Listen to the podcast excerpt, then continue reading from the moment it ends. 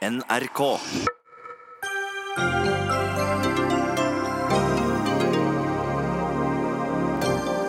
Det går mot løsning i SAS-streiken.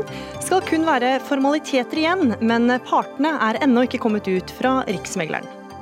Vy likte parodikonto på Twitter så dårlig at mannen bak fikk en oppringning fra Vys advokat.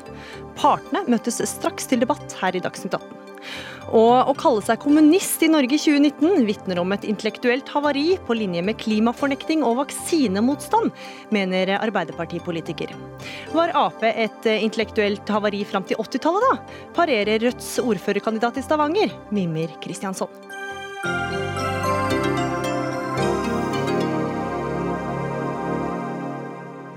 Ja, velkommen til Dagsnytt 18 torsdag 2. mai. Jeg heter Gry Veiby. Og I løpet av den neste timen skal du også få høre mer om regjeringas forslag om å endre loven om tilregnelighet. Det vil åpne for altfor stor grad av skjønn i rettsapparatet, advarer jusprofessor. Men vi begynner med streiken i SAS, som nå skal være over. Etter seks dager med streik, 300 000 rammede passasjerer og 4000 innstilte flygninger, går det altså mot en løsning mellom pilotene og SAS. Og etter det NRK erfarer, er det kun formaliteter som gjenstår før partene kommer ut fra, for, fra Riksmegleren. Og mens vi venter på å få vite hva de har blitt enige om, skal vi til deg, Vegard Kjørom. Du står utafor Riksmeglerens kontor. Hva er det som nå gjenstår før eh, partene kan komme ut?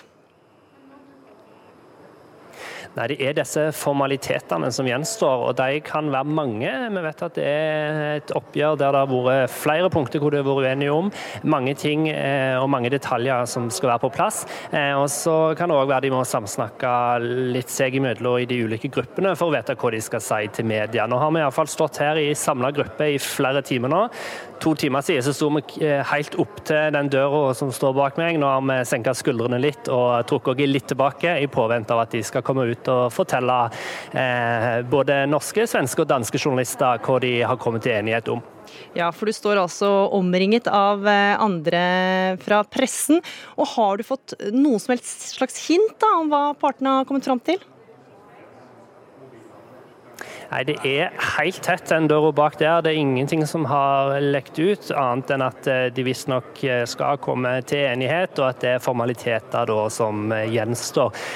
Partene har jo ikke lov å si hva som blir sagt inne hos Riksmekleren, og det har de i stor grad òg lykkes med, så vi vet lite om hva de har blitt enige om. Mm. Cecilie Langum Becker, økonomikommentator eh, her i NRK. Hva vet vi nå? Vi vet kanskje ikke så mye, virker det som, men eh, har du fått nyss i noe om hva partene har blitt enige om? Altså, da vi hadde sending i sted, så var vi oppe fra Gardermoen med en reporter. Og idet vi intervjuet eh, en av de streikende pilotene, så fikk han beskjed om at nå var streiken over. Og de tok faktisk av seg de gule vestene i det vi sto der. Og de forsvant eh, inn. Så vi er fryktelig nærme. Vi har ventet eh, nå siden ja, klokken tre fikk vi vel de første indikasjonene på at nå var det veldig nær. Og klokken fire fikk vi det vel bekreftet sånn ordentlig. Nå er klokken seks. Så, så der, vi er nok veldig, veldig, veldig kort unna. Men, eh, og, men det, er nok, det, er jo klart, de har forhandlet veldig lenge. Så det er nok en del sånn småting som må på plass. Og de vil jo ikke komme ut før de har fått eh, måte, alle tallene helt klare. Mm, og seks dager eh, altså siden pilotene la ned arbeidet sitt. Hvorfor har det tatt så lang tid? Det har vært ganske mye de var uenige om. De sto fryktelig langt fra hverandre da de begynte å streike fredag forrige uke. Det har handlet om bl.a. lønn. Det har også handlet om eh, en mer forutsigbar arbeidshverdag eh, gjennom disse turnusavtalene. Vi har hørt at de mange piloter ikke får beskjed om når de skal jobbe eh, før 14 dager før de skal på jobb, som jo er lett å se for seg at er krevende hvis man har familie, små barn eller andre forpliktelser. Og så er det en ting til som nok har vært det vanskeligste punktet, i hvert fall etter det vi forstår. Det er to avtaler som SAS har sagt opp med pilotene. Det ene er en rollefordelingsavtale som har sikret at det er piloter ansatt i SAS Skandinavia som har eh, fløyet eh, de lønnsomme rutene til og fra Skandinavia. Og at den, ble, at den, avtalen ble sagt opp, det har fått pilotene til å frykte at SAS ønsker å kvitte seg med dem, og at det ikke er plass til dem i selskapet fremover. Og så har SAS da tilbudt dem en såkalt livslang jobbgaranti til de pilotene som nå er ansatt i SAS, og det har pilotene sagt nei til. Eh, og det har vært en av de vanskeligste tingene. Og det har vært så vanskelig at pilotene, etter det vi i hvert fall forstår, ikke engang ville sette seg ned igjen hos Riksmekleren før eh, denne avtalen bl.a. Eh, kom på plass igjen. Det har vært en ganske spent stemning, som du sier. Hva er det SAS må jobbe med nå? Nå nå, når denne konflikten nå er over, så er det tillit. Og det er tillit til eh, tredjepart, altså passasjerene. Her eh, er det viktig at de nå i etterkant eh, klarer å imøtegå passasjerene og deres krav. Nå er det 380 000 passasjerer som er rammet. I de neste ukene og månedene så vil det komme inn mye krav om, om erstatning, og, og, folk ønsker å få tilbake penger for flybillettene sine, hotell som de ikke har fått benyttet. Så her gjenstår en viktig jobb. Så må de bygge tillit eh, også til, med sine egne ansatte. Det har falt veldig mye ukvemsord i denne perioden her. Eh, SAS-sjef Rikard Gustavsson han eh, var ute tidligere denne uken og sa at eh, pilotene ønsket seg denne streiken, og at de har at de har lagt opp til det, slik at de kan legge ekstra mye press på SAS for å virkelig få mye ut av disse forhandlingene. SAS har også kalt pilotene for lønnsadel i, i det som fra pilotenes ståsted kan se ut som en, et forsøk på å, å vri eh, opinionen i, litt mer til fordel for, eh, for SAS, ved å, ved, å, ved å, få folk til å til, å på en måte eh, se at, at, dette er jo tross alt godt lønnede, lønnede, folk, og at de kanskje ikke trenger så mye lønnsstreik som, som, de krever. Men hvor mye støtte har, har denne streiken hatt i befolkningen? De, pilotene selv mener at de har fått uh, veldig bred støtte både fra passasjerer og fra andre, andre som jobber i, i turnusyrker.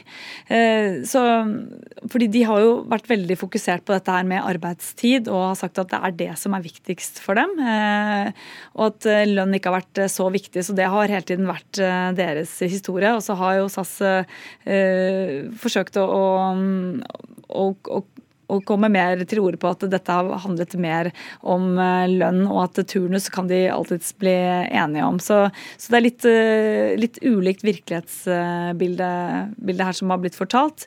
Men uansett så har eh, folk flest Det har vært overraskende sterk støtte til pilotene, også blant de vi har intervjuet. Og hva skjer med da dem som har billetter med SAS nå? Når vil flytrafikken gå som normalt igjen? Det siste vi har hørt nå, er at eh, de håper å komme i gang igjen eh, i morgen, altså fredag. Eh, men så er det jo slik at det er jo veldig komplisert å få i gang all flytrafikken igjen. Så det er ikke sånn at absolutt alt kommer til å gå som normalt i morgen. Det kan få også forsinkelser eller eventuelt kanselleringer gjennom helgen også. Fordi alle flyene er jo ikke der de skal. Heller ikke personalet er der de skal. Det er blitt føyet en del fly hjem til hjemmebasene. Også crew som har vært ute rundt omkring har også blitt eh, fløyet eh, hjem. Så her blir det et stort puslespill. Det kan man se for seg eh, med en så stor operasjon. Så mm, selv om streiken nå ser ut til å være ferdig, så, så vil det nok ta et par dager før man er helt oppe i normal drift igjen. Mm. Takk til deg, Cecilie Langen Becker, økonomikommentator her i NRK. Så får vi håpe at partene kommer ut før Dagsnytt 18 er ferdig, så får vi høre hva de faktisk har kommet fram til. Dagsnytt 18 alle hverdager klokka 18.00 på NRK P2 og NRK2.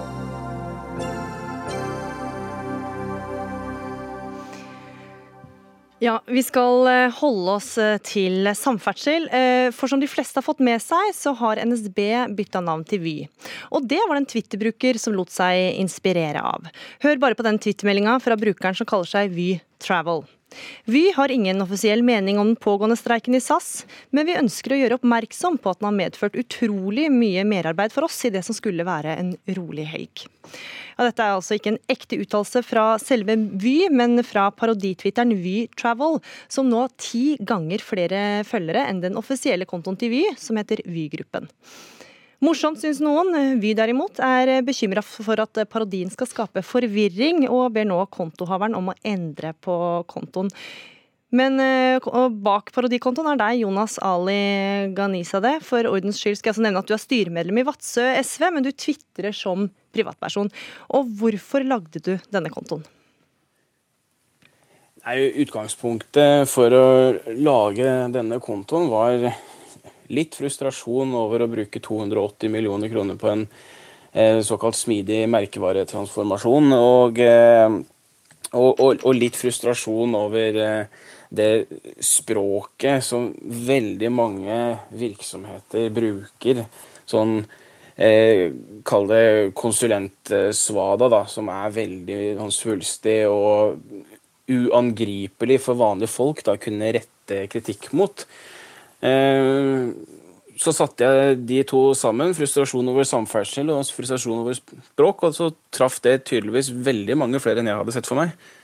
Ja, for du har nå over 13 000 følgere på Twitter. Men i går så fikk du en telefon fra advokaten til eh, Vy. Hva, hva sa han til deg? Ja, jeg sto på 1. mai-arrangementet her i Vadsø og solgte vafler, og så får jeg en telefon fra foretaksadvokaten til eh, NSB, unnskyld, jeg mener Vy. Og øh, han mener at jeg misbruker logoen, og at veldig mange fort lar seg forvirre av det jeg skriver, og det deres konto, hva det, deres konto er. og mente også at han ville be meg om å endre logoen da, før det gikk til eh, måtte gjøre noe sånn formell prosess, da, var, var, noe av den ordbruken som ble brukt eh, mot meg i den eh, sammenhengen der. Ja, Hva, hva syns du om det? Nei, Umiddelbart så var min første tanke at eh, jeg har ikke spesielt lyst til å få et stort eh, statlig eid konsern etter meg. Det har ikke jeg råd til, så jeg tenkte at eh, jeg skal sende en, en mail til dem, si ok, jeg skal endre logoen og jeg skal gi meg, men lov å ikke saksøke meg, for det har jeg ikke råd til. Men så sendte jeg ut en melding på Twitter hvor jeg spurte om, eh, om hjelp. Og støtten var jo helt eh, vanvittig, og konsensus var at eh, dette er både lovlig, men eh, me mange mener jo også at det jeg holder på med, er litt eh, morsomt. Så det er klart at eh, da blir det litt prinsipielt, da at uh, man skal faktisk ha lov til å gjøre narr av store virksomheter. Så det blir ikke noe sletting av den kontoen. Åge Kristoffer Lundeby, du er pressesjef i Vy, og det er dere som likte denne kontoen, denne tvitringa, så dårlig. Hvorfor det? Vi har ikke likt tvitringa dårlig, og vi har heller ikke likt kontoen dårlig. Men det er bruken av logoen vår som vi ønsket å snakke med Jonas om fordi at man kan eh, forveksle dette. Og det er greit å vite hvem man snakker til, og hvem som snakker til det. Så det at han oppretter en konto eh, som heter eh, WeTravel, eh, det er helt greit? Og det at han skriver det han gjør, som er meldinger som virker som de er fra dere, det er også helt greit? Det er bare det, at han bruker logoen som det, dere ikke syns er greit? Det virker ikke som det er fra oss. Altså det er satire, og det er humor. Og det er fryktelig morsomt, mye av det som Jonas legger ut også. Eh, så det at han eh, har eh, snart 14 000 følgere på Twitter, det overrasker meg ikke, for Jonas er morsom. Så bare sånn så, sånn så det er klart. Det er ikke det at vi har noen gang truet med å stenge kontoen. Vi har heller ikke truet med rettslig skritt. Eller det å, å gå til økonomiske sanksjoner. Men dere får allikevel en advokat til å ringe, da? Ja, og det kan være dumt at det var nettopp Eh, den profesjonen som ringte. Det kunne kanskje vært mer ufarlig hvis eh, en fra kommunikasjonsavdelingen hadde gjort det. Hva var det dere ville si, da? Vi ønsket å påpeke at eh, det var uheldig hvis noen tok feil av kontoene pga. logobruken. Ja, Ghanizade, var det den oppfattelsen du også fikk? Nei, for det første så vil jeg jo si at hvis noen er i fare for å tro at det jeg skriver, er eh, lignende og, og av det et stort foretak som eh, NSB eller Vy skriver, så er det vel kanskje heller et problem med hvordan de og andre store virksomheter kommuniserer. Men det er ikke det du skriver, Jonas. Det er rett og slett Han sier at det bare er logoen. Ja, men vi kan snakke om logobruken også. Det er jo tydelig en not som er redigert inn i den logoen, sånn at det skal være rimelig klart hvis du har en litt årvåken tilnærming til mediekonsumet ditt. Ja, for når du sier not, så står det altså da Vy Not Travel i logoen din. Ja, ja, ikke sant? Og Det ble opprettet fordi noen eh, Det kan hende at det var Vy, det kan hende at det var andre. Rapporterte meg inn til Twitter da, for eh, impersonation. Eh, men jeg vil si noe om den advokatringinga også. Fordi at når et stort konsern som NSB eller Vy ringer en enkeltperson med foretaksadvokat, så om det er til hensikt eller ikke, så burde man være oppmerksom på det. At det har en helt tydelig effekt i å skremme noen fra å ytre seg.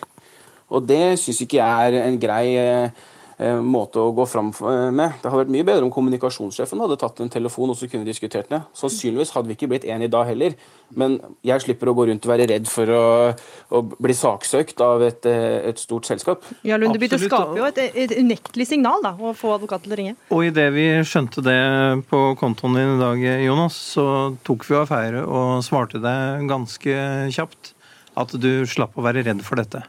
Men hva var det dere ville fram til? Bare at han skulle slutte å bruke logoen? Vi har et ønske om at han eh, gir seg med logobruken og finner et annet symbol som kan eh, betegne den virksomheten han driver. Hm. Ja, kan sa det, altså Denne kontoen kan jo skape forvirring hos reisende. Du har eh, lik logo, mm, og så er det sånn at du starter noen tweets med Vy mener og Vy sier.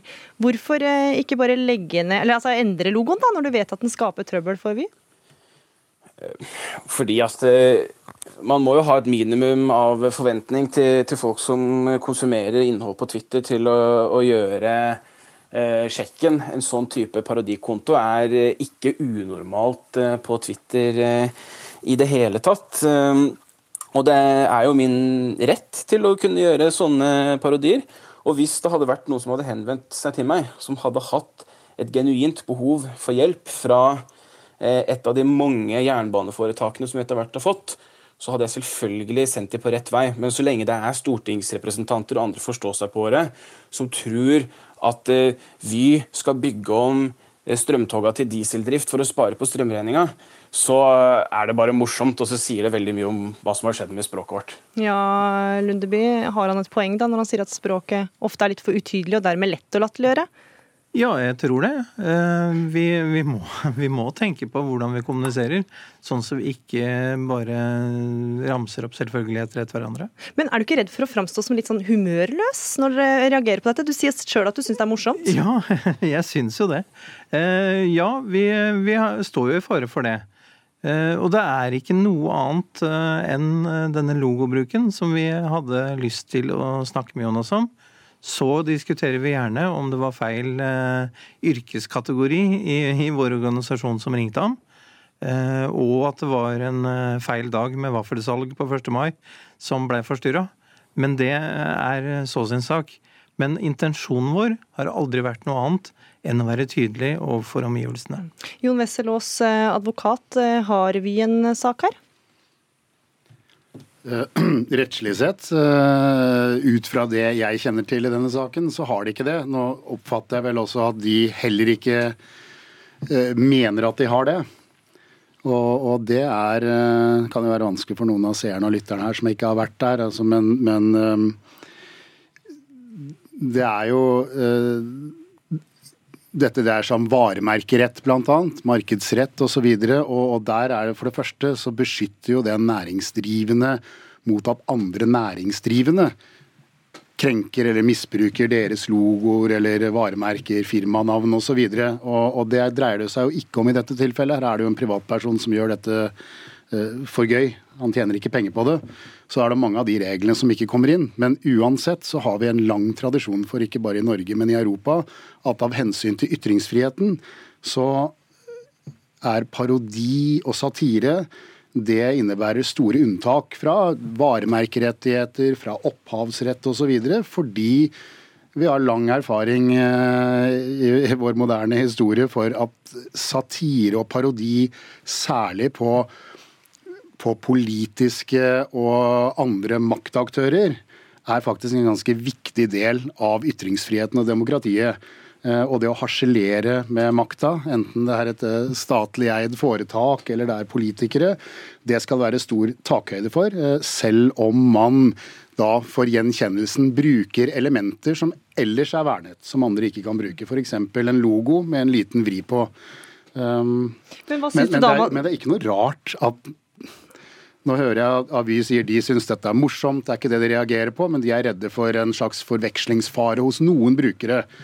Dere har jo en nettside som heter NRK Satiriks, f.eks., som driver med altså, satirenyheter. Der ser man jo også at det fins jo folk som får en lenke til en av de sakene der, som skriver tull og tøys om hva politikere faktisk ikke har sagt, men som er satire. Hvor det er folk der ute som reagerer og blir, kommer i, i harnisk over går det an å si noe sånt, og så ser du at andre må si til dem hallo, dette er jo en satireside, det er NRK Satiriks. Det, sånt kan man jo aldri unngå.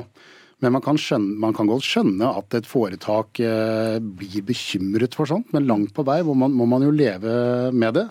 Men Hva slags signal syns du det sender da, når eh, vi får en advokat til å ringe? Ja, det er, det er min profesjon nå. Det er fælt å høre at vi virker så skremmende at, eh, at, eh, at, at de samme ordene virker helt annerledes hvis det er vi som fremfører dem. Så vi avkrefter det, det, nå, at dere er så skremmende? Nei, jeg kan jo ikke det. Jeg lever jo av det. Så, men, men, jeg hører jo at vi selv eh, langt på vei innser at det kanskje ikke var rett person i foretaket til å ta en sånn telefon, når meningen, eh, ifølge det vi sier, ikke var egentlig å si at man ville saksøke eller gå til rettslige skritt. Det er klart at overfor en, en vanlig privatperson da, så kan det være vanskelig å forstå når telefonen kommer fra en advokat. Mm. Lundeby, denne parodikontoen har jo da ti ganger flere følgere enn dere. Er det litt skuffende? Nei, absolutt ikke. Vi eh, samler ikke på brukere på denne kontoen. Vi ønsker at dette skal være en, eh, en mulighet til å snakke med og til oss. Men hvor mange vi har der, det spiller ingen rolle. Men dere har ikke vurdert å kjøpe Ghanizades eh, konto, eller kanskje ansette han som sosiale medier-ansvarlig hos dere? Vi har bruk for gode folk, men vi måler faktisk ikke suksessen i antall brukere. Men at vi er der, det er viktig for oss. Ghanizade, hva ville du sagt hvis du hadde fått sånn jobbtilbud? Jeg sier at hvis de sørger for å bygge jernbane opp til fylkeshovedstaden Vadsø, så skal jeg vurdere det, for da kan jeg togpendle. Det er ikke Vys eh, oppgave her i verden å bygge nye jernbaner. Da fikk du siste ordet, Åge Kristoffer Lundeby, pressesjef i Vy. Takk til deg. Takk også til deg, Jonas Ali Ghanizade og Jon Wesselås. Og eh, vil du følge den ekte kontoen til Vy, så heter den altså Vy-gruppen, og ikke Vy Travel.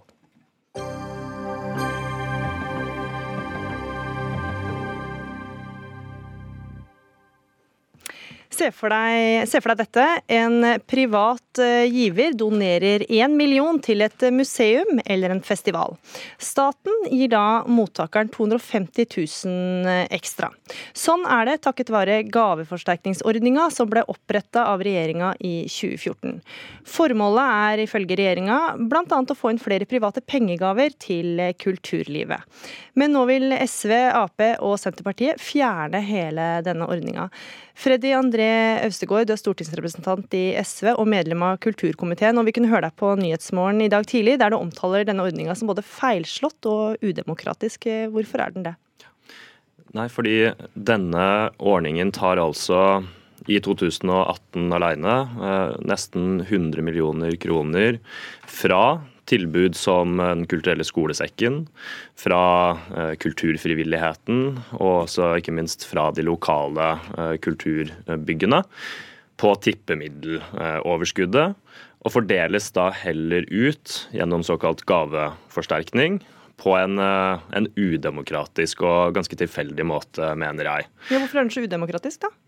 Det som skjer, er at man, man kaster på en måte fellesskapets eh, kulturkroner da, etter det som eh, private interesser, kommersielle interesser, til enhver tid mener er eh, fornuftig å bruke penger på av kulturtilbud. Og jeg vil understreke at mange av de, kanskje nesten alle, av de tilbudene som får penger over gaveforsterkningsordningen i dag, er jo helt flott, men vi er nødt til å stille oss det prinsipielle spørsmålet. Skal vi også la oss styre i kulturpolitikken av hva eh, private interesser mener er riktig, eller skal vi styre demokratisk? Vi har jo hatt en tanke med kulturpolitikken i Norge lenge nå. At vi skal på en måte jevne ut kulturtilbudet, sånn at alle får et rikt og variert kulturtilbud, uansett hvor i landet man bor. Men med denne ordningen så ser man bl.a. en veldig stor geografisk skeivhet. Mm. Sånn at Oslo og Hordaland får altså henholdsvis 7 millioner og eh, 26 millioner til, uh, til hver av seg over denne ordningen. Mens Østfold, hvor jeg kommer ifra, får en 700 000-800 000 kroner. Mm. det er en stor skjevhet. Ja, fordi noen steder så er det flere givere, og de får da, staten gir da 25% i tillegg til uh, av den summen de gir. Kristin Ørmen Johnsen, du er stortingsrepresentant i Høyre og leder av kulturkomiteen. Ja, hva sier du da til dem som mener at denne ordninga gjør at de som har rike venner fra før, får enda mer penger? Ja, først vil jeg jo si at uh, Høyre gikk til valg i 2013 på å mobilisere både frivillige og private i samfunnet, og ikke minst for å få mer midler til kultur. Jo, men Det er greit, men hva med denne ja. ordningen, konkrete ordningen? Ja, da, som de som sier resultat... at de rike vil få mer penger, de som har gode kontakter ja, vil få mer penger til sin Hvis jeg bare får fullført, så skal jeg forklare, forklare det. Eh, resultatet av det var jo denne gaveforsterkningsordningen. Det vi ønsker, det er jo å mobilisere museer, festivaler, det kan være litteraturhus, frie grupper, faktisk til å også søke eh, midler hos private. Vi vet at det er mange private stiftelser, det er mange private fond. Sparebankstiftelsen er jo den, en av de største. Eh, som da gir midler til kulturinstitusjoner. Men vi vil gjerne at flere skulle få del i disse midlene. Og sånn sett mener jeg faktisk at det er mer demokrati, for vi oppfordrer folk uh, i institusjonene til å søke. Og nå er det faktisk da 300 institusjoner som i dag får uh, midler av gaveforsterkningsordningen, altså 25% opp på det mm. som fondet og stiftelser gir. Og dette skal jo være et supplement.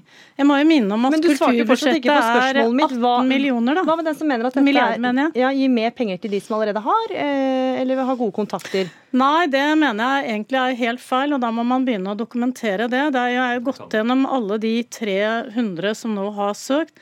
Mange av de er inne for første gang i 2018 og har ikke noen spesielle kontakter til, eh, til eh, private, verken stiftelser eller fond.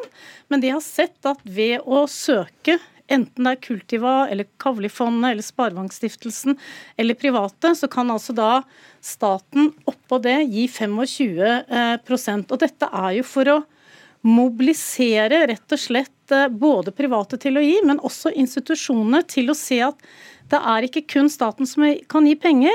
Hvis de har gode prosjekter, så kan de søke om det. Og det er ikke bare tippemidler som er lagt inn der. Staten har jo også gitt 50 millioner i revidert budsjett nettopp for å mm. spre pengene ut i, i Norge. Og eh, Østergaard, og Østegård, Kan ikke dette gjøre at, da, at eh, institusjoner eh, går mer ut, altså får tak i flere penger, blir mer aktive? Det hadde vært veldig fint, det. Eh, men eh, hvis vi ser på resultatet nå etter en del år med denne ordningen, så kan jo ikke eh, regjeringspartiene si det at det har kommet mer private penger inn.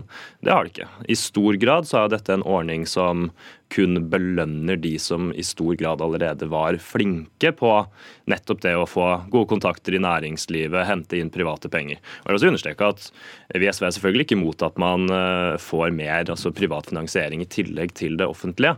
Men her er spørsmålet eh, skal vi, skal vi ha det sånn at, at offentlige midler fordeles ut ifra hva eh, privatinteresse mener er, er riktig i kulturlivet?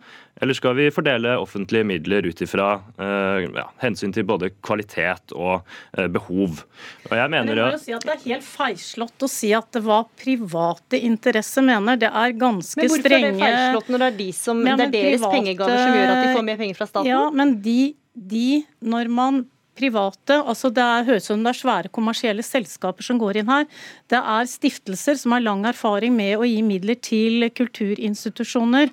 Når eh, eh de søker, så er det sånn at man søker på prosjekter i disse, enten det er museet eller det er festivaler eller litteraturhus. Og så eh, vil de da få penger fra departementet når de søker private. Og det er jo helt strenge kriterier på det. Dette er etterprøvbart, det er åpent, det er kontroll på hva som gir. Du kan ikke eksempelvis gi mer enn 2,5 millioner til samme eh, institusjon over tid. Og jeg mener at dette har vist at det er en suksess når vi har fått en kjempeøkning i antall eh, institusjoner som hiver seg på og ser at det faktisk går an også som et supplement til det offentlige å få inn noe privat støtte. Jeg nevner Østfold som et eksempel, som ikke hadde søkere tidligere. Nå er det bl.a. Litteraturhuset, Østfoldmuseene, som er i stor grad involvert i Den kulturelle skolesekken. Så dette her kommer jo veldig mange til gode. Ja, og Kan ikke også stiftelser og private givere vite hva som er bra kultur? Jo, jo, absolutt. Jeg syns det, eh, det, er helt eh, flott at vi f.eks. har Sparebankstiftelsen og sånt noe som, som, velger å gi og donere penger til, eh, til, kulturlivet. Det er kjempefint. Men problemet, da, for å kanskje bruke Sparebankstiftelsen som et, som et eksempel, for det er egentlig ganske illustrerende. Sparebankstiftelsen har også sine vedtekter at de hovedsakelig skal støtte prosjekter på Østlandet. Det har noe med den geografiske og historiske forankringa til, til stiftelsen. Det forstår jeg helt fint. Men Sparebankstiftelsen er også største giveren av enkeltgiverne på denne ordninga. Og da ser vi jo akkurat det, hvordan den skeivheten f.eks. geografisk slår ut. Ta et, et, annet fylke. Finnmark fikk ikke noen ting i 2018. Da satt opp mot f.eks. Oslo, som får 20 millioner. Et annet veldig interessant tall er også fra hele perioden 2014 til 2017. Så var det sånn at halvparten av alle midlene gikk til 20 enkeltmottakere nevner 300 mottakere, Johnsen, men også 20 enkeltmottakere ja, tok imot, og, tok imot men, halvparten. Men, ja, da vil det jo være geografiske forskjeller, da. Ja, men det er jo ikke riktig at ikke verken Finnmark, Troms eller Nordland har fått jeg sa ikke Troms og Nordland, jeg sa Finnmark. Ja, men Finnmark har faktisk fått til en eh, festival og til et kulturhus. Nei, Nei men, det betyr, jo, men det betyr Jeg har fått ut nye tall av departementet i dag. Der har man faktisk fått eh, midler, og det betyr da at fylkeskommunene må oppfordre også institusjonene rundt omkring i det ganske land til å faktisk se at det er en mulighet, mm. bidra og hjelpe til. Ja, Sparebankstiftelsen de har eh, sitt hovedområde her, men det er mange andre som gir, som ikke har en geografisk betenkelighet. Så jeg tenker dette er utrolig viktig for mange, og dette vil vi utvikle videre. Ja, Østegård, dette her er jo en ordning som har eksistert siden 2014. Mm. Hvorfor vil dere plutselig avskaffe den nå? Nei, Vi har jo fulgt denne ordningen ganske tett. Eh, og vi i SV har stilt noen kritiske spørsmål underveis. Men, eh, men vi har sagt nei, vi er villige til å, til å, se hvordan det blir. Og nå mener jeg det at etter en, en del år med ordninga, hvor vi ser så tydelig hvor eh, geografisk skeivt resultatet er, hvordan det stort sett er noen store enkeltmottakere som tar imot brorparten av pengene, ja, da sier vi da må vi lære av de erfaringene og så må vi endre politikk. Og Jeg vil jo også gi en utfordring da, eh, for å ta, ta det premisset om at eh, det er et mål å få mer privat penger. Eh, og det, det kan være greit. Men, men, det er jo vitterlig sånn at det ikke har kommet noe særlig mye mer private penger med denne ordningen.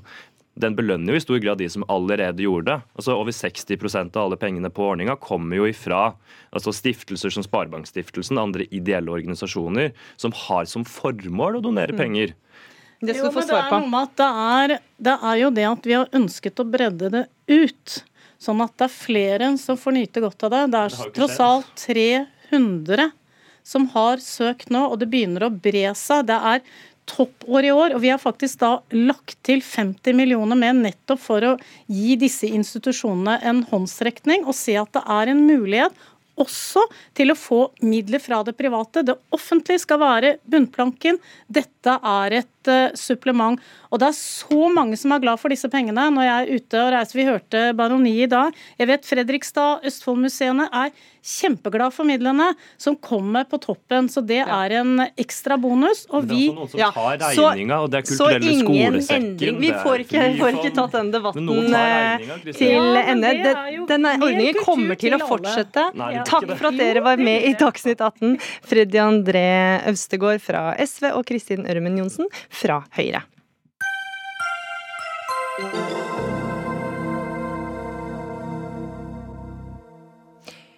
Regjeringa vil endre dagens straffelov om eh, tilregnelighet, ved å bl.a.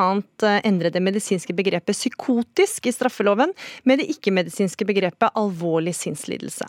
Proposisjonen er nå til behandling i Stortinget etter en omfattende høringsrunde, og var også gjenstand for en høring i justiskomiteen på tirsdag.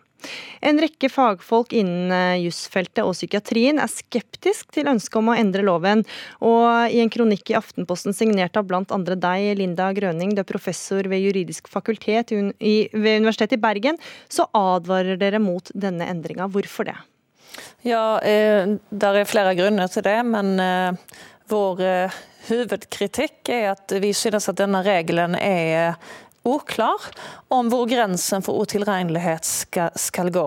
Og at lovgiver da ikke har presisert den grensen, men tanken er at det det skal overlates til domstolene eh, etter hva som anses rimelig og rettferdig i konkrete saker. Og I tillegg så synes vi at reglene er altfor for dårlig utredet. Mm. Ja, for Dere mener da bl.a. at det kommer til å åpne opp for, for, i for stor grad av skjønn. Eh, det må du forklare.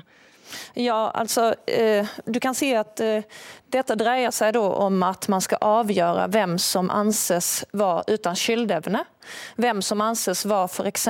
så psykisk syk så at man ikke anses ha en evne til å være ansvarlig. Og eh, Tradisjonen i norsk rett er gjerne at dette skal man ha veldig klare kriterier for i loven. Men denne regelen har ikke slike klare kriterier, men i stedet for så kan det avgjøres i en helhetlig vurdering av domstolene, og der det da skal legges vekt ved forskjellige momenter, og bl.a. hva som anses være rimelig og rettferdig i den saken. Eh, og Det åpner da for eh, muligheten til eventuelt at man ikke kommer alltid til samme resultat i to saker der man har å gjøre med to like syke lovbrytere. Og det er vi veldig skeptiske til. Frida Melvær, du er stortingsrepresentant for Høyre og medlem av justiskomiteen. Hva sier du om at denne, dette forslaget til eh, endring av loven eh, vil føre til at det blir for stor grad av skjønn i hvordan man dømmer?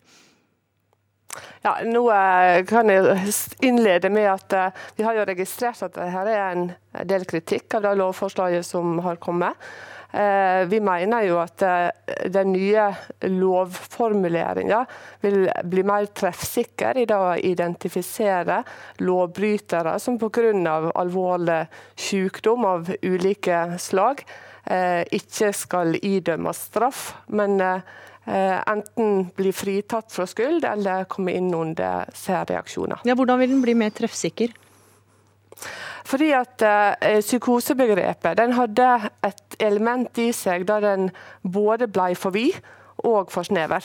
Eh, psykose som har på mange måter lagt til grunn for eh, nåværende lovgivning, eh, har medført at eh, hensynet til lignende eh, sykdomstilstander ikke har blitt tatt med.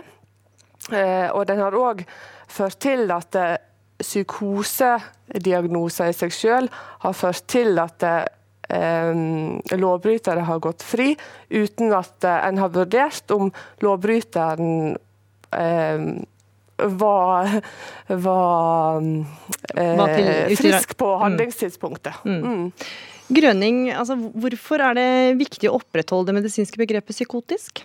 Eh, først må jeg her si at eh, vilkåret psykotisk i straffeloven er et rettslig begrep eh, som er definert i forarbeidet eh, og også i rettspraksis. Eh, og ikke et medisinsk begrep. Og det er ikke tilstrekkelig å ha en eh, diagnos på en eh, psykoselidelse. Eh, vilkåret psykotisk i gjeldende rett er veldig strengt. Mm, det er medisinsk begrep. Og Hvorfor ja. er det så viktig å opprettholde dette medisinske begrepet psykotisk? Eh, her eh, tenker jeg at eh, vi må skilje på to ting. Altså det er viktig etter min mening å opprettholde en lov som eh, tydelig definerer hvilke tilstander som kan medføre utilregnelighet. Eh, vilkåret psykotisk har fylt den funksjonen av å gi en slik tydelig eh, definisjon langt på vei. Eh, om man ønsker å fjerne vilkåret psykotisk, så må man erstatte det med et vilkår som er like tydelig og klart. Eh, og Det er der vi mener at eh, dette nye lovforslaget eh, svikter. Mm. Så hvis vi, si, vi kan, hvis vi, skal fjerne psykotisk, og det kan jeg for min del leve med, hvis man kommer opp med et alternativ som opprettholder den klarhet som har vært en lang tradisjon i norsk rett. Og her må jeg også minne om at eh, krav til legalitet, krav til klarhet i lover. Det er en fundamental europeisk prinsipp som også har blitt styrket i senere år. Mm. Ja, Melvær, alvorlig sinnslidelse er jo et ikke-medisinsk begrep. Hva sier du til dem som mener at det er for ullent? Eh, det har vært viktig, eh, og ikke minst fra en god del høringsinstanser sitt syn, å klargjøre i større grad eh, det medisinske og det juridiske begrepet knytt til, til tilregnelighet. Det psykotiske begrepet har fått mye kritikk knyttet til det. Alvorlig sinnslidelse vil ha et noe videre perspektiv, der både psykiske, organiske og somatiske lidelser vil komme inn. Men videre perspektiv vil, vil også gjøre det vanskeligere å dømme etter, da, sier jo Grønning. Ja, Du har et eh, noe videre inngangsvilkår i den nye lovgivningen, men så har du òg tilleggsvilkår som vil begrense eh, hvem som da faktisk blir Eh, til slutt eh, avgjort til terrengnille, eventuelt at de skal ha, fri, ha straff. Mm. Melvær, en av Norges fremste rettspsykiatere, Randi Rosenquist, sier til VG at hun frykter at flere alvorlig syke kan havne i fengsel med dette forslaget her, og i stedet for å få behandling. Hva, hva sier du til det? Nei, Det er jeg ikke enig i. Tvert imot så er det et stort poeng med å endre lovverket, eller straffelova på dette punktet, at eh, en skal få en mer treffsikker lovgivning knytt til å identifisere de som uten skyld eh, eh, skal, ikke kan stå til ansvar for sine handlinger. Altså De som er så syke på handlingstidspunktet at de, det er ikke grunnlag for å, å, gi dem straff. Vi håper med denne endringen i lov at vi skal få en mer treffsikker regel. Eh, sett hen til at det, den eh, lovgivningen vi har i dag, ikke har oppfylt av kravet. Mm. Ja, Grønning, altså En av de tingene dere advarer mot, og som vi var inne på litt tidligere, er at dere mener domstolene vil få da en større rolle i å diagnostisere. Men er ikke det å undervurdere kompetansen til domstolene? Ja, dette dreier seg ikke på noen måte om et spørsmål om domstolenes kompetanse. Eh, jeg har veldig stor tillit. Jeg tror vi har gode domstoler i Norge. Eh, men dette dreier seg om at det å presisere hvilke tilstander som skal kunne lede til frifinnelse fra ansvar og straff, det er en lovgiveroppgave først og fremst. Og jeg synes det er veldig uheldig at man ikke gir den presisjonen i loven. Eh, så, og jeg tror egentlig at eh, vi er nokså enige om eh, intensjonene, eller hvor vi mener om hvordan vi skal tenke om utilregnelighet her. Men det vi diskuterer er hvordan vi skal utforme denne regelen. Og vi synes den er både prinsipielt, men også rettsteknisk veldig uheldig. Og her vil jeg også bare si at eh, NOU 2014-10, eh, som også har vært formål for omfattende høring, og som også eh, beholdt bl.a. vilkåret psykotisk, men også eh, vidgade og, og også si at likestilte tilstander skal omfattes. Den har ikke blitt utsatt for til, til tilnærmelsesvis like omfattende kritikk som dette seneste lovforslaget. Mm. Og I lyset av den kritikken så synes jeg det enda, det enda riktige å gjøre her er å, å sende det forslaget tilbake og, og, vurdere saken mer nøyaktig hvis man ønsker å, å eh, fortsatt holde på en slik eh, mulighet til, mm. til, et slikt alternativ. Mm. Ja, Stortingsgruppene har ikke konkludert i denne saken, Melvær, så det er fortsatt mulig å ta oppfordringa her. Men det spørs om du kommer til å gjøre det? Eh, nå har eh, saken lagt nærmere ett og et halvt år i komiteen. Eh, vi har gjort mange ulike vurderinger knytt til, til innholdet, og hvordan vi kan presisere og utdype eh, mer i, i, våre merknader. Eh, nå er det på tide at vi får landa eh, saka. Og jeg håper at avgivelsen den 28. mai vil eh, vise at vi har eh, en ny lovgivning som vil treffe bedre enn den eksisterende eh, lovgivningen, som har fått omfattende kritikk etter 22.07-saken. Og som du sier, så I slutten av mai får vi vite hvordan eh, den endelige lovendringa blir. Eh, sannsynligvis. Linda Grøning, professor ved juridisk fakultet ved Universitetet i Bergen, og Frida Melvær, stortingsrepresentant fra Høyre, takk for at dere var med i Dagsnytt 18. Hør Dagsnytt 18 når du vil. Radio NRK Radio.nrk.no.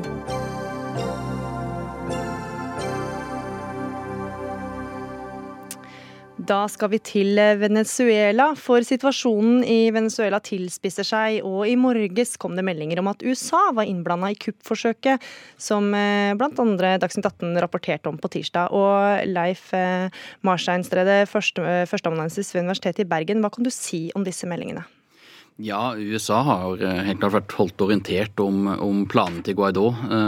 Han har jo, Guaidó har jo ikke holdt skjult at han ønsker å overtale de militære til å Eh, gi slipp på Maduro og begynne å støtte opposisjonen. Så klart Opposisjonen ser ikke dette her som et kupp, eh, men eh, som at de militære nå går på riktig side av grunnloven.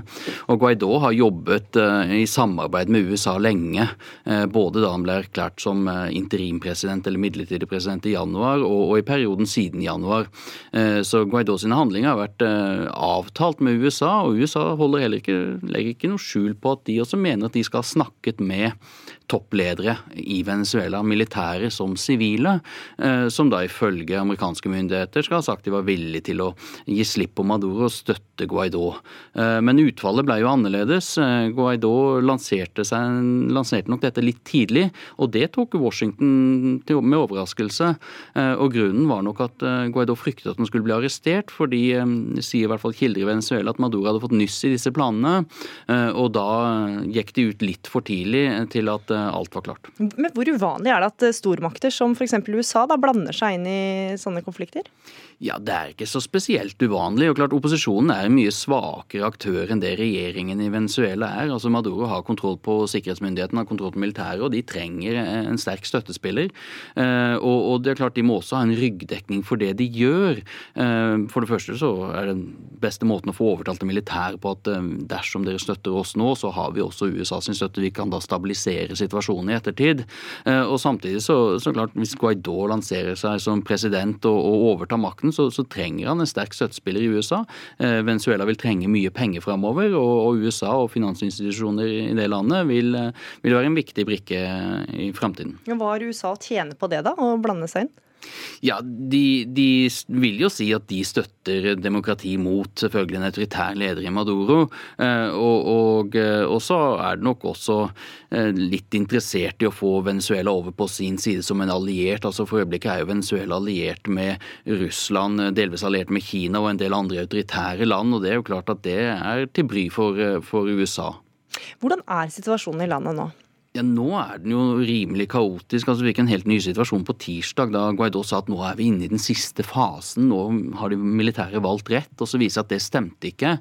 Men det hevet jo konfliktnivået en del hakk. altså Folk gikk ut på gatene, og, og demonstrasjonene som kom både i går og i forgårs, ble møtt med mye mer vold enn det som har vært vanlig den siste tiden. Altså, så store tanks kjører over demonstranter? Det, det så vi, og, og, og så, så regimet viste seg villig til å bruke vold for å forsvare sin sin posisjon. Over 200 mennesker er arrestert, to personer har blitt drept, og det, det er svært mange skadete. Både gummikuler og, og andre kuler uh, har, har, skadet demonstrantene de siste dagene. Uh, så det at eh, Guaidó sa nå at nå, uh, nå er sluttspillet i gang, det gjorde også at konfliktnivået ble hevet, og at, at um, regimet og deres mer paramilitære støttespillere gikk på gatene for å bruke vold for å stoppe stoppe opposisjonen. Hva kommer til å skje framover nå, hvis du skal gjette? Ja, det er vanskelig å si. Altså, konflikten har jo fått sånn geopolitisk tilsnitt her med både USA og Russland. og nå ser jeg Det siste nyheten er jo at uh, utenriksministeren i USA, Mike Pompeo, skal møte Lavrov, altså den russiske utenriksministeren, i, Finland i neste uke, for bl.a. for å diskutere Venezuela. og Det kan en se på som en positiv utvikling. Uh, fordi nå er det ikke bare opp til venezolanerne på et vis å, å finne en løsning på dette. Siden både på et vis USA og Russland er involvert, så, så må også disse stormaktene eh, kunne komme til enighet for at man skal unngå at konflikten fastfryses og, og, og, situasjonen for folk bare blir enda verre. Men at det er en kritisk økonomisk og sosial og for så vidt også en humanitær situasjon i Venezuela som, som, som man må finne en løsning på, fordi dette har eskalert nå til et regionalt nivå der nabolandene også mottar millioner av flyktninger. ikke sant? Så, så dette her er, er, en krise som Latin-Amerika ikke har sett uh, maken til uh, i moderne tid, egentlig. Men det at storsamfunnet, holdt jeg på å si, altså store, stormaktene blander seg inn, det gjør at konflikten må komme til en slags løsning? Ja, altså det, det, kan jo fastfryse konflikten. Det har vi jo sett eksempler på før. Altså USA vil nok ikke foreta en militær intervensjon, selv om Trump snakker om det innimellom, og, og andre, andre, i den amerikanske regjeringen snakker om det. Eh, men, eh, men, så lenge eh, Russland er villig til å stå last og brast med Maduro, så er det vanskelig å se en utvei her. og, og og så lenge de militære da ser at eh, Maduro fremdeles har den støtten, så, så vil nok heller ikke de snu Maduro ryggen. Så, så, så stormaktsspillet kan fryse fast konflikten, men det kan jo også hjelpe til å løse konflikten dersom USA og Russland kan snakke sammen om dette her, og kanskje involvere andre partnere også. Cuba er en viktig aktør her, eh, og Kina er i hvert fall en viktig økonomisk aktør i dette bildet her. Så, så her må eh, sannsynligvis andre hovedsteder enn Caracas bli involvert. Og dette kommer vi til å følge med på, for det er eh, stadig utvikling. Leif eh, Marstein Tredje, førsteamanuensis ved Universitetet i Bergen, takk for at du var med i Dagsnytt 18. Takk.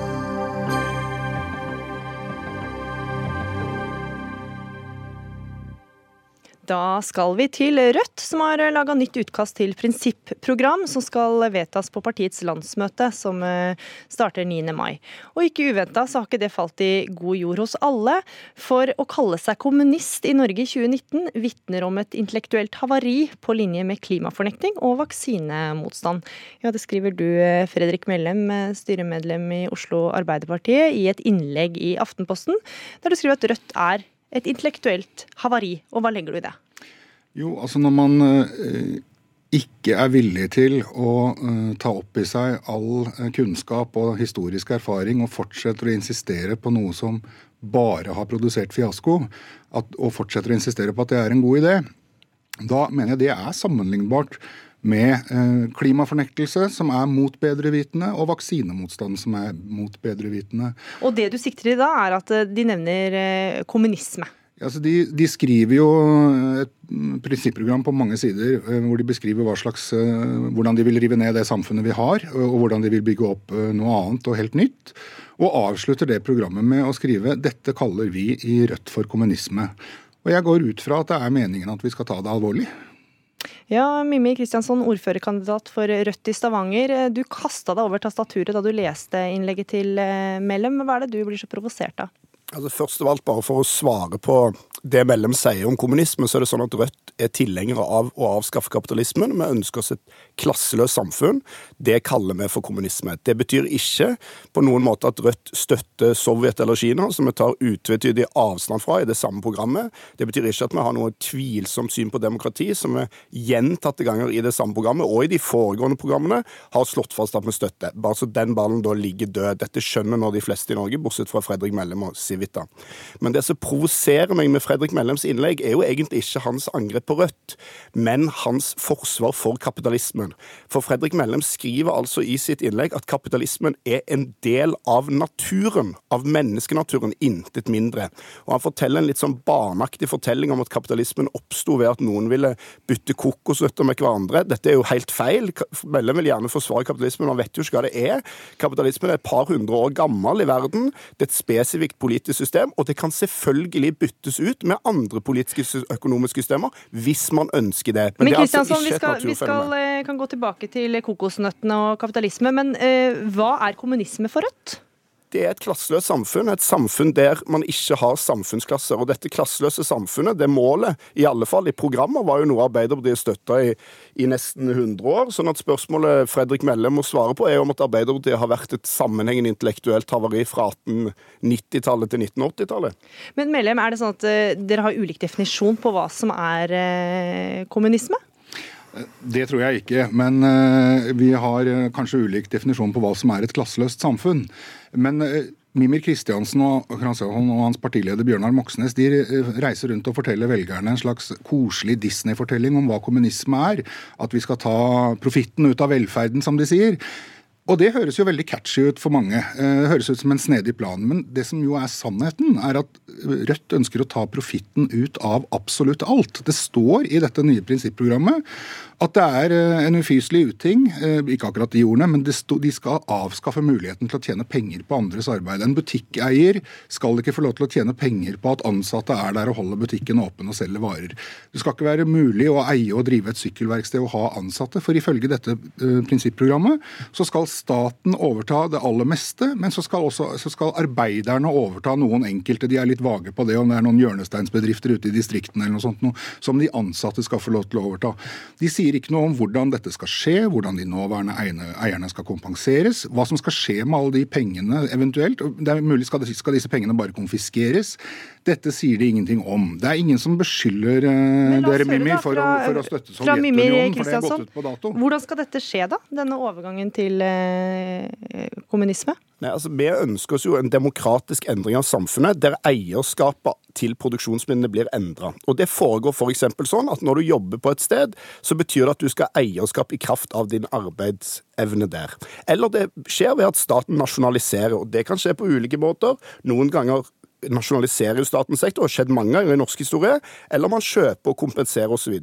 Det jeg syns er rart med Fredrik Mellem, og det han nå sier, han sier at vi drar rundt og forteller en sånn Disney-fortelling. Altså Prinsipprogrammet til Rødt det må nå være mer kjent i Norge enn alle prinsipprogram i alle andre partier til sammen. Det diskuteres hvert eneste år, og vi diskuterer det mer enn gjerne. Fredrik Mellem er med et parti som ikke engang gidder å vedta prinsipprogrammer. De har ikke vedtatt et prinsipprogram på 40 år. Vi vil ha en idédebatt om dette, og det er ikke noen lette debatter alltid for oss å stå i, for vi vil jo vise et helt annet samfunn som vi ønsker. Men vårt utgangspunkt er at dagens system, kapitalismen, som Fredrik Melle mener er en del av menneskenaturen, men som altså er et politisk og økonomisk system, den er urettferdig fordi det fører til svært store forskjeller mellom de som eier, og de som faktisk skaper verdien i samfunnet. Og denne arven her dette er det som å bygge videre på det prosjektet som Arbeiderpartiet en gang var. For Kristiansson, altså I prinsipprogrammet så står det at dere, eh, for at det arbeidende folket skal ha makt, trengs en radikal endring av maktforholdet, en sosialistisk revolusjon.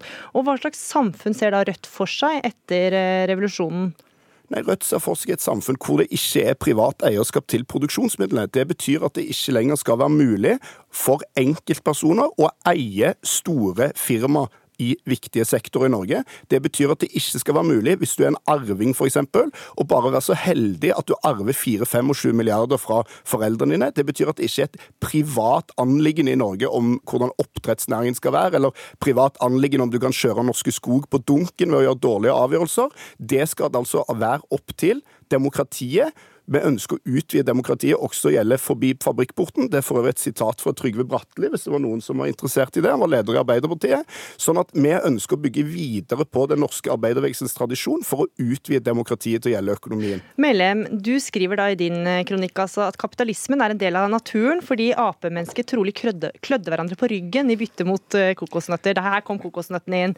Vil det si at det er umulig å få et annet system, da, ifølge deg, fordi Nei, det, er det er naturgitt? Det, det er ikke umulig å få et annet system og det er, det er, det som er poenget.